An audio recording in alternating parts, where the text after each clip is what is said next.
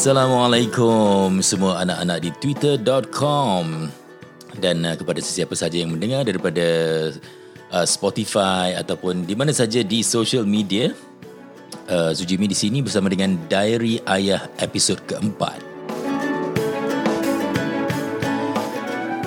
Hari ini kita terima berita mengejut eh, berita sedih tentang uh, kematian uh, Kobe Bryant dan juga anaknya Gianna uh, yang ditimpa kemalangan eh kemalangan helikopter.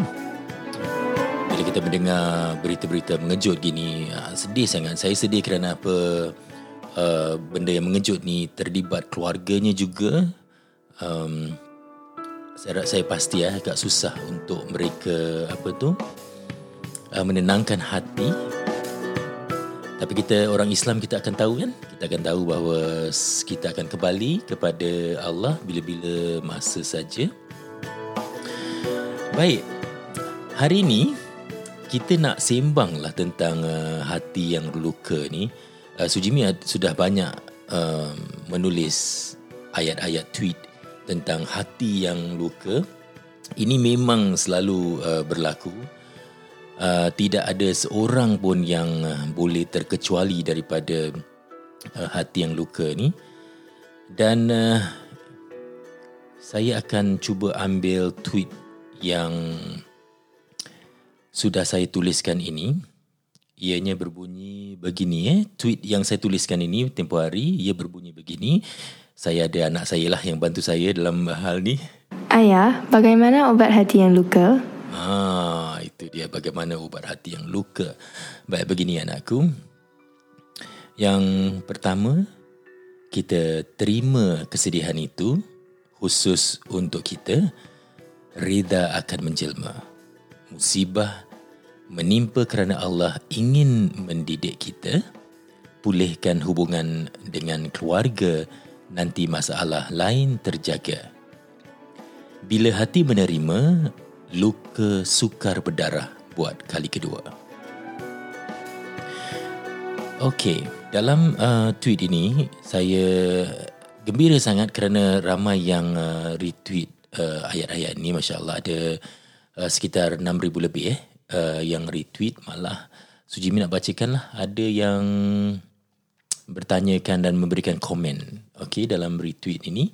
Uh, ada uh, Naja Wawa 93 um, beliau mengatakan always uh, remind yourself kesati, kesakitan apapun yang Allah bagi itu adalah rahmat uh, dia paling besar dia nak bagi pada kita uh, always husnuzon dengan uh, Allah.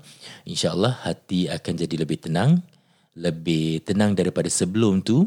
Um, katanya lagi yakin dan percaya Allah uji sebab Allah sayang kita. Itu tepat sekali.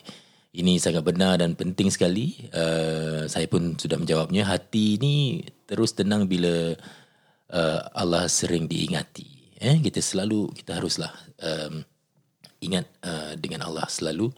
Uh, nanti kita tidak kesurangan ada um, seorang ni yang katakan akak pening at NH Hashima beliau tanya kalau keluarga asyik lukakan hati kita aja macam mana? Ha what should i do? katanya. Uh, saya jawab nanti saya terangkan dengan lebih lanjut lagi. Uh, bila dia tanya benda tu saya menjawab uh, cuba terus terang dan luahkan perasaan dengan mereka kali ini. Uh, mungkin hati terbuka untuk lebih memahami. Rapatkan silaturahim keluarga kerana kesannya boleh juga meningkatkan rezeki. Hmm. Dan ada juga beberapa yang uh, bertanyakan saya seperti Cik Q. Cik Q. Wah, cute betul nama ni. At Bayung Bakril. Oh, Bay- Bayung Bakri, maaf. Dia kata, ayah bagaimana kalau keluarga burukkan kita sendiri? Ayah ada jawapan. Uh, jawapan ringkas saya, um, tak perlu buat apa-apa kerana yang benar dan kebenaran akan timbul jua. Uh, terus berbuat baik kepada keluarga nanti insya-Allah dapat ganjaran yang berganda. Ini nanti insya-Allah eh, di um, sebelum kita akhir uh, Sujimi nak terangkan dengan lebih lanjut kerana kenapa kita tak perlu buat apa-apa jika uh, keluarga burukkan kita sendiri. Uh, ada ada caranya yang sudah saya pun cuba. Um, boleh nanti anda cuba eh. Uh, yang terakhir saya nak bacakan um, daripada long name ataupun at Hanil uh, Inanina. Katanya macam mana nak pulihkan hati bila orang terdekat menyakitkan sehingga tak mampu berdiri. Wow. Uh, kerja lecturer berhenti kerja sebab tak mampu bersuara. Now I'm uh, recover katanya sedang mencari kerja baru sesiapa ada kerja kosong bolehlah bagi tahu kelulusan uh, adalah engineering tapi saya rasa mungkin dah dapat lah eh kerana tweet ni tahun lalu yang saya berikan saya pun sudah menjawabnya uh, di dalam tweet itu. Saya katakan, Alhamdulillah dah recover. Uh, Masya Allah hidup anda ini sangat berharga. Eh, inilah saat anda dipandangnya. Uh, jika belum mencuba, bolehkah anda bangun malam dan mengadu perkara ini pada Allah yang lebih mengetahui duduk perkara. Aduan yang pasti menerima jawapan.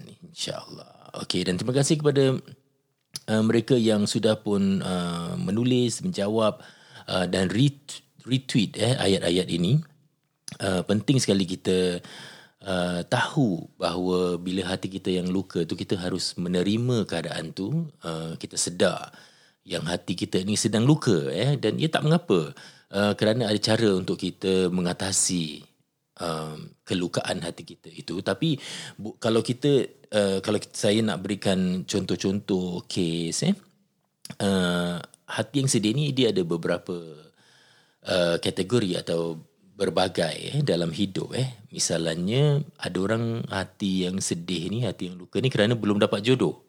Ah belum dapat jodoh. Um, nak beritahu ke tidak eh? Dulu saya pun uh, sebelum jumpa dengan isteri saya ni uh, kita pun uh, ada jugalah putus putus cinta dan sebagainya eh. Kita kan manusia kita kan pernah muda gitu kan. Jadi tetapi saya tak um, sedih tidak keterlaluan kerana dulu saya sibuk belajar lah. Uh, jadi bila kita apa tu sedih belum dapat jodoh dan sebagainya macam kita apa tu berikan uh, tumpuan kepada apa tu pelajaran. Tapi bila saya buat kajian ada berbagai cara tau bagi mereka yang uh, macam segan sikit nak cakap pasal putus, putus cinta ni pasal kita dah kahwin dah 23 tahun eh. Tapi uh, okeylah kita kongsilah eh. Uh, bila kita bersedih dalam putus cinta ni, um, ada beberapa perkara yang boleh anda lakukan. Um, ini yang Sujimi kaji uh, di kalangan kawan-kawan yang, yang dulu orang adalah mengadu dengan kita kan. Uh, dan juga uh, kita baca uh, cara bagaimana kita nak uh, apa tu uh, mengatasi uh, perkara ni bila kita putus cinta ni. Ini putus cinta ramai ni. Yang pertama, Okey, kalau anda bersedih kerana putus cinta ni uh, paling sesuai kita mesti tahulah dunia ni kan sementara kan. Jangan jangan bersedih. Uh, kerana apa? Kalau kita tahu um, dunia ni dia ada penghujungnya, kita tahu tahu Allah dah siapkan ni jodoh kita ni. Jadi mungkin uh, kesedihan uh, putus cinta tu yang pertama tu uh, dia sebagai pengajaran eh pengajaran saja. Jadi kalau ada anak-anak di luar sana yang sedih sangat kerana apa kita rasa macam wah orang ni hero atau heroin yang betul-betul kita nanti-nantikan selama ini. Uh, tiba-tiba putus cinta kadang-kadang kita pun tak tahu kenapa. Uh, yang kita tahu uh, Allah sayang kita eh. Kadang-kadang dia memanglah dia nak uji kita ataupun dia nak kita mengelakkan orang tu kita tak tahu tau. Kita tak tahu benda ni. Jadi uh, kita harus uh, terimalah uh, keadaan tu um, kadang-kadang kalau kita bersedih uh, sangat tu um, agak apa tu um, agak susah tau kalau kita sedih terbawa-bawa ah ha, terbawa jangan sampai terbawa-bawa tak boleh tak boleh bangun tak boleh tidur uh, dah tidur tak boleh bangun, dah dah bangun tak boleh tidur. Ha, kau susah kan? Okey. Jadi uh, apa yang boleh anda uh, lakukan uh, seterusnya uh, ini secara praktikal. Okey, tadi kita nak terima tu mungkin ada yang boleh terima dengan mudah, ada yang tidak boleh menerima dengan mudah dan sebagainya. Tapi ada benda yang praktikal yang boleh anda lakukan kalau putus cinta. Yang pertama sekali kita kurangkan kita, kita kurangkan lihat social media dia. Ha, betul tak?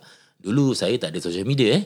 Jadi bila kalau lah terputus cinta, kita betul-betul out, out of sight, out of mind gitu. Ha, tidak tidak terfikir langsung kerana kita tak nampak orang tu. Eh, jadi uh, sebentar saya adjust mic ni. Jadi yang paling uh, satu, satu perkara yang harus kita lakukan um, elakkan social media dia kalau boleh uh, tak perlu follow lah. Eh kalau kalau dah putus cinta masih nak follow kan susah diri sendiri kan.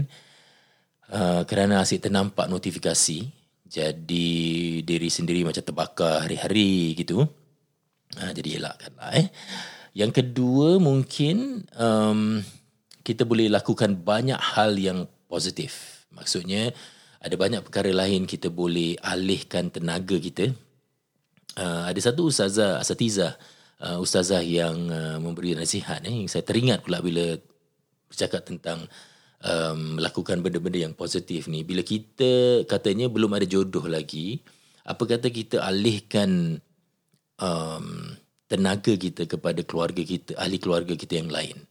Uh, maksudnya kenali uh, orang tua kita dengan lebih rapat lagi. Ini penting tau kerana apa? Kadang-kadang kita uh, sibuk eh mengendalikan uh, perkara kita hari-hari uh, secara harian dan kita lupa nak mengenali orang tua kita. Orang tua kita dah kenal kita. Mereka lah yang melahirkan dan membesarkan kita tapi kita mungkin belum kenal dengan mereka. Mungkin ambil masa kita seorang-seorang ni belum ada apa tu hubungan yang rapat dengan orang lain kita rapatkan hubungan kita dengan uh, ibu bapa lah cari peluang untuk rapatkan diri dengan mereka mungkin dengan mengenali mereka kita lebih positif nanti insyaallah uh, dalam hidup kita ni.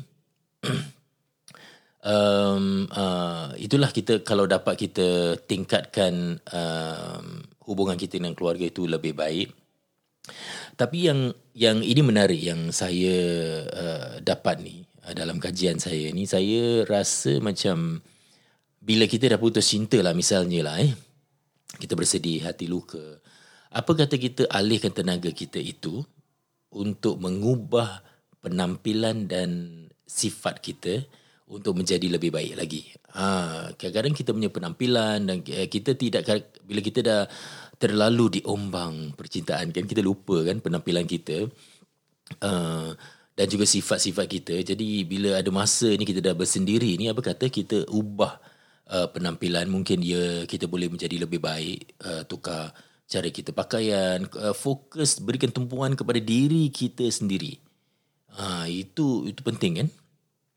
Dan uh, kerana apa bila kita mengambil satu uh, sudut yang positif untuk diri kita sendiri kita akan uh, men, kita akan mahu memperbaiki diri kita sendiri. Hmm, uh, kita juga boleh cuba yang ini kita berfikir bahawa ada orang yang lebih baik daripada dia lah. Uh, ini ini mungkin cara Allah juga uh, memisahkan kita kerana ada orang lain yang menanti, orang yang lebih baik menanti. Uh, dia tunggu kita jadi uh, hubungan kita yang terputus ini yang mungkin kita dalam gelombang kesedihan, hati yang luka ini uh, hanya sementara uh, ia mendekatkan kita dengan jodoh kita yang um, apa tu lebih lama lah insyaallah eh uh, seterusnya um, sebenarnya bila kita putus cinta ni kan kita menjadi orang yang kuat sebenarnya. Ha dia mengubah kita menjadi orang kuat. Jadi uh, ketahui yang anda sebenarnya menguatkan hati luka itu sukar sangat berdarah kembali. Kerana apa? Bila kita kuatkan um, kita akan lebih tahu apa yang boleh kita jangkakan dalam uh, setiap hubungan.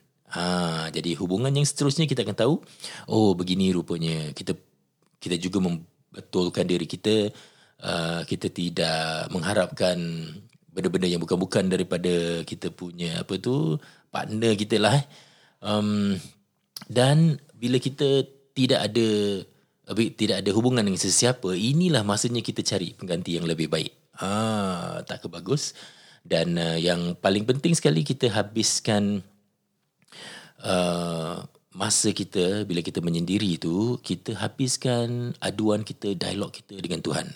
Ha, dengan Allah. Itulah itu yang paling baik sekali. Kerana apa? Dia yang uh, mengizinkan uh, cinta kita itu terputus kan?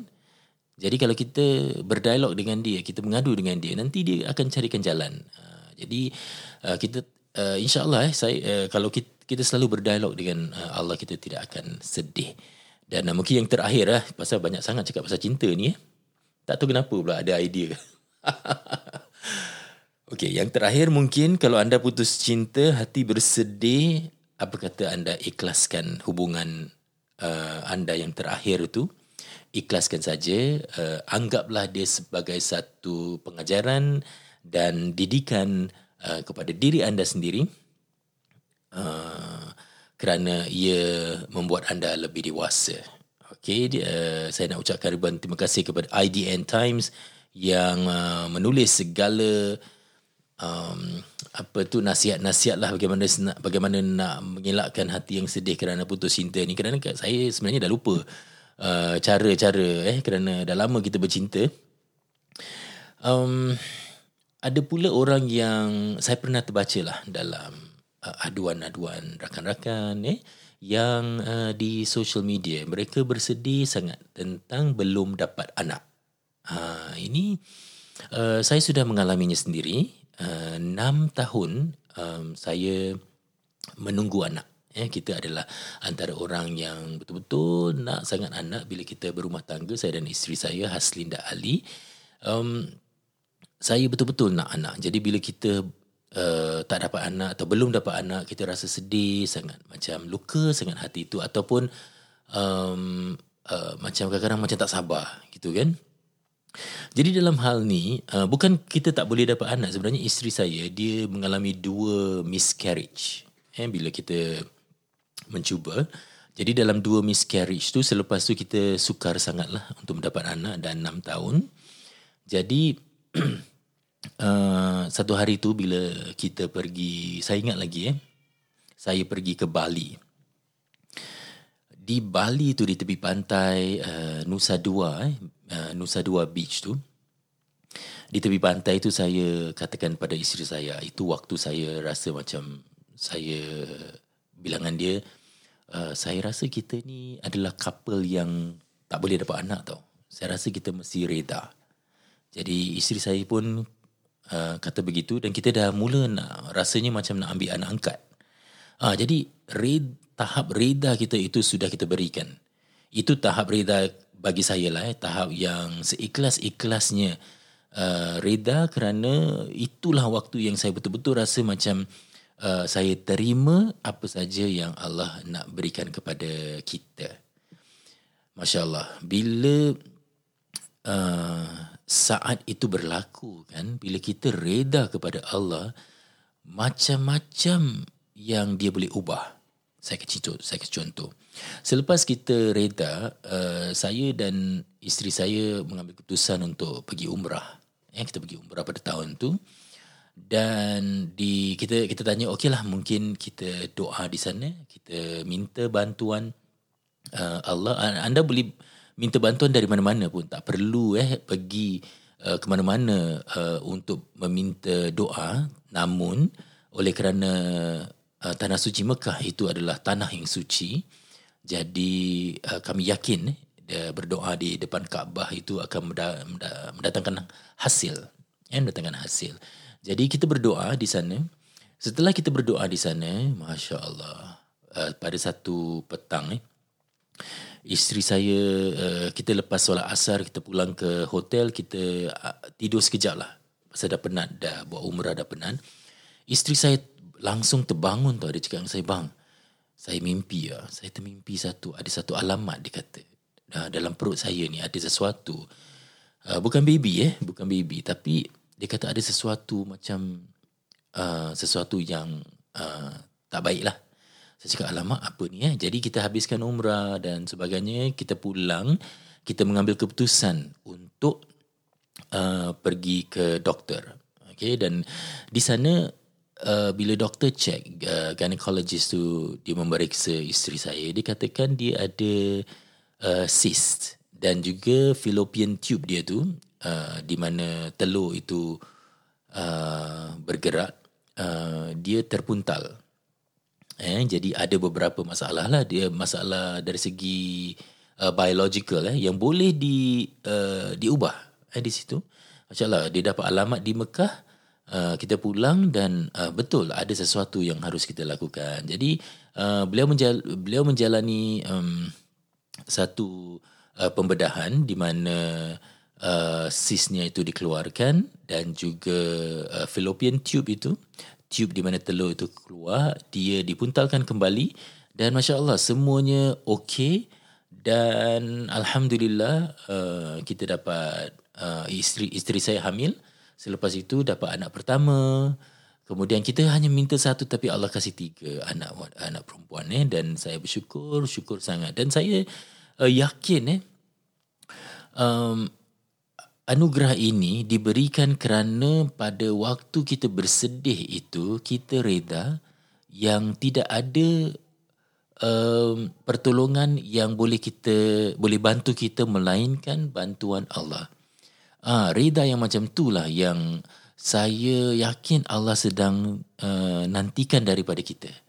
Ah, jadi dia nak ubah nasib kita, dia nak ubah keadaan kita, dia mem- dia menantikan um, uh, saat kita reda kita faham yang tak ada orang lain tak ada lain yang yang lain boleh bantu kita hanya dia saja yang boleh bantu jadi bila kita reda tu um, uh, Allah bukakan jalan eh, jadi saya nak uh, ini ini yang saya nak kongsi bila kita bersedih lebih-lebih lagi kerana kita belum ada dapat anak kongsilah rakaman ini kepada sesiapa yang anda kenal yang belum dapat anak eh uh, bahawa Allah memerlukan kita reda dia perlukan kita reda dan uh, keredahan tahap itu akan membawa uh, pertolongan. Kerana selagi kita tak sedar, uh, macam mana kita nak tahu pertolongan dia itu penting eh?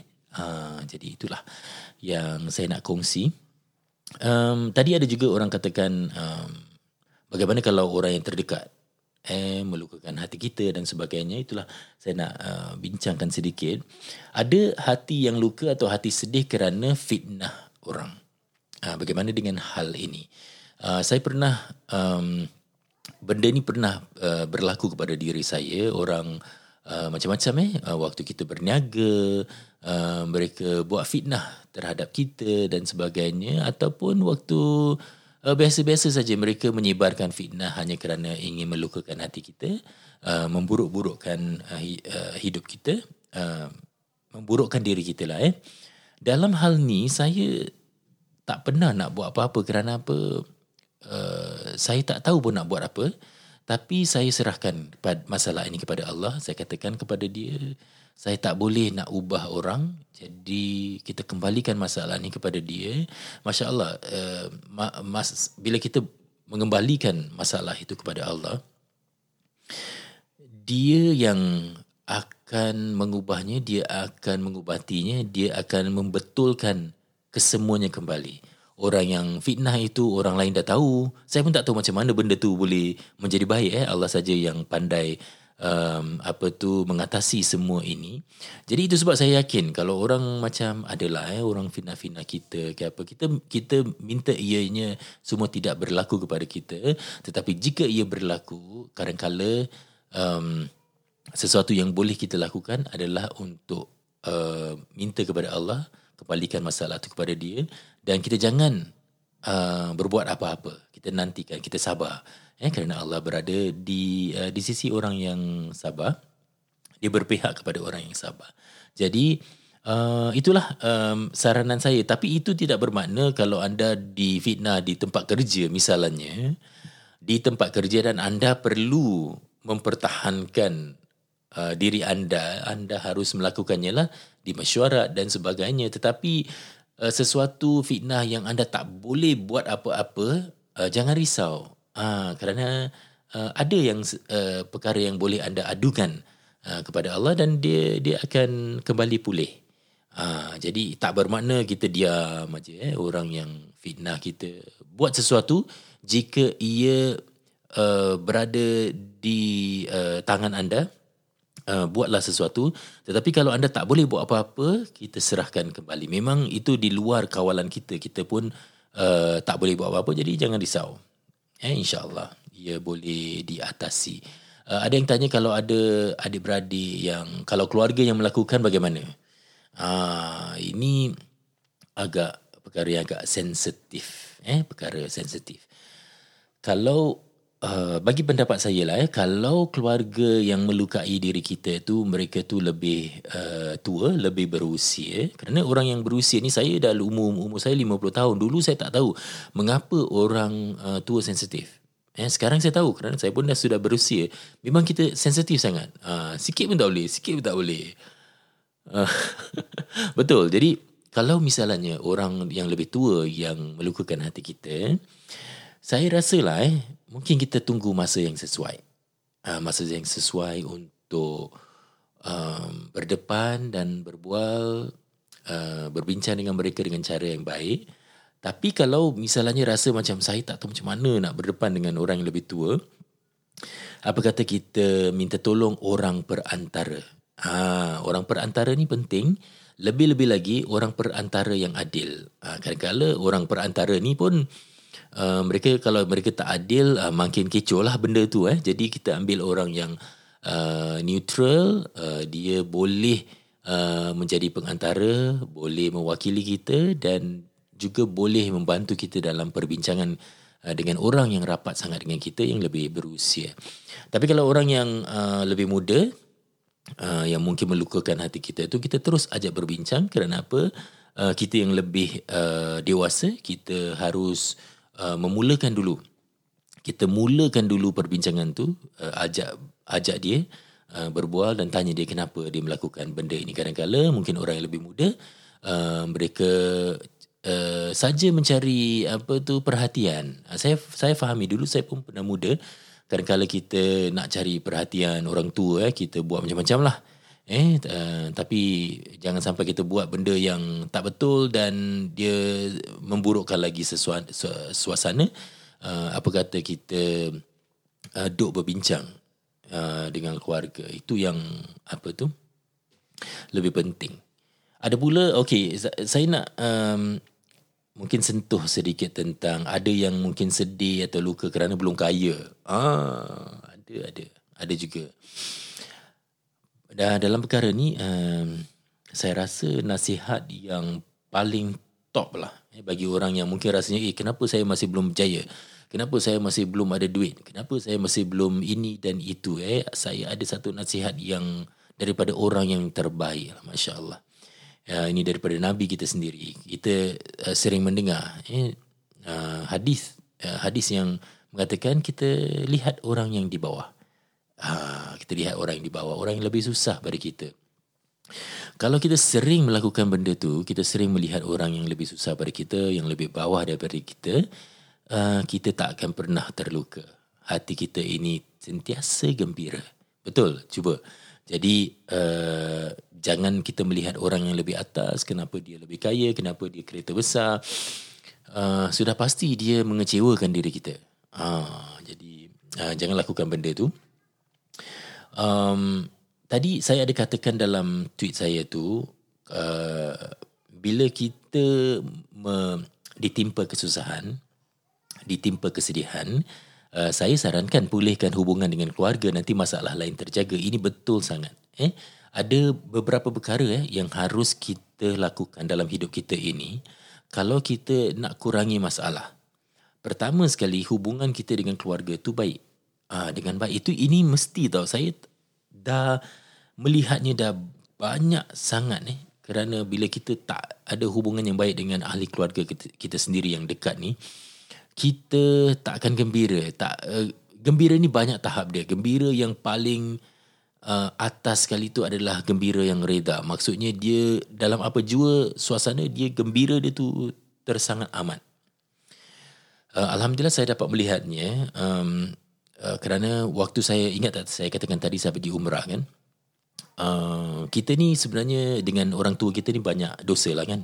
Uh, kita pun tak tahu apa yang kita lakukan. Jadi di Mekah saya mengambil keputusan. Saya katakan kepada diri saya, saya benar-benar ingin minta maaf dengan orang-orang yang terdekat dengan saya. Ha, jadi bila di depan Kaabah tu, bila hari pertama saya pergi umrah tu, saya dengan ibu saya, Jadi depan Kaabah tu saya minta maaf dengan dia. Saya cakap mak minta maaf dari hujung kaki ke uh, hujung rambut ke hujung kaki. Saya banyak uh, kita banyak buat uh, salah kan dengan uh, ibu kita.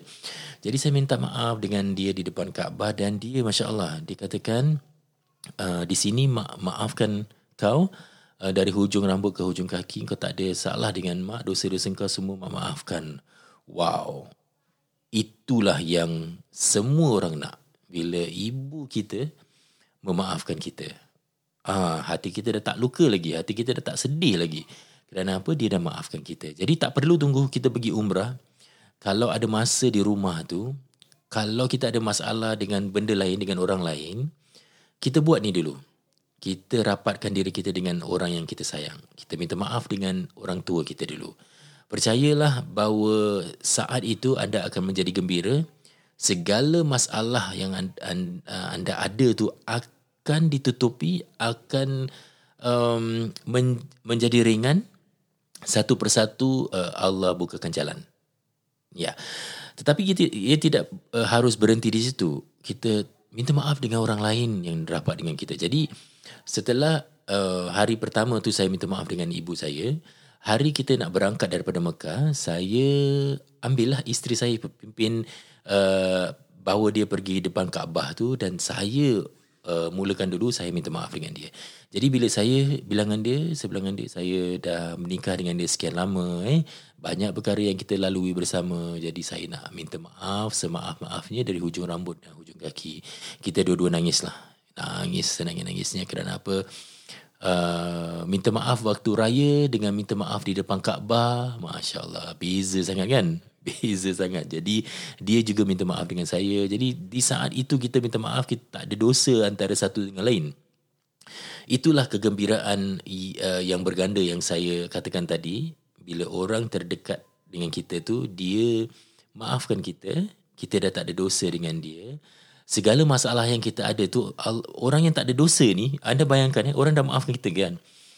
Orang yang kurang dosanya kan Allah ingin bantu kan? Jadi semua masalah kita yang kita ada bila kita pulang tu satu persatu tau menjadi ringan. Ada saja jalan yang terbuka untuk uh, kita nampak dan kita dapat melakukannya agar semua masalah kita uh, selesai. Jadi di sini kesimpulannya Uh, itu sebab saya syorkan uh, anda bertemu dengan ahli keluarga, sesiapa saja yang kita ada masalah atau kita ada mungkin uh, berdosa dengan mereka, kita mulakan dulu. Tak apa, kalau orang tu berdosa dengan kita juga, kita minta maaf dulu. Dan selepas itu anda lihat sendiri. Lihat sendiri masalah anda mengu- berubah uh, nasibnya, berubah keadaannya maksud saya dan ia menjadi uh, baik untuk diri anda. Jadi itu yang uh, saya nak syorkan lah. Kemudian setelah kita uh, perbaiki hubungan kita dengan keluarga, kita cuba kita pulihkan hubungan kita dengan uh, dengan Tuhan. Ini yang selalu saya syorkan kepada anak-anak muda kerana apa?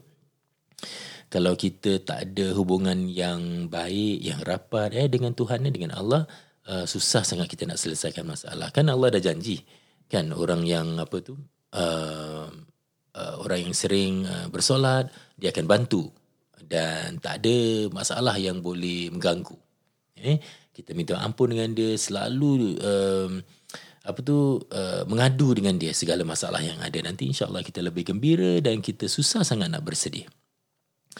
Baiklah, um, itu yang uh, saya nak kongsi atas uh, tweet kita hari ini. Jadi bagi mereka yang uh, ada nak komen boleh DM saya di twitter.com uh, slash uh, sujimi ataupun uh, bertulis uh, ke sujimi muhammad at gmail.com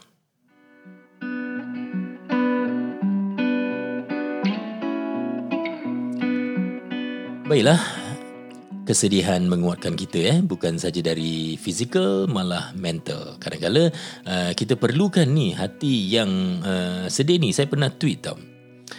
Sebenarnya hati yang sedih ni adalah senjata. Jadi tempoh hari saya katakan anakku hati yang luka sebenarnya senjata. Ia bagai pendinding terhadap kata-kata dusta. Menyiapkan kita ke atas kesedihan yang mungkin menimpa. Hati mula jadi reda, waspada kepada orang yang ambil lewa kebaikan kita. Senjata ini sering menggerakkan tangan berdoa lebih daripada hati yang gembira.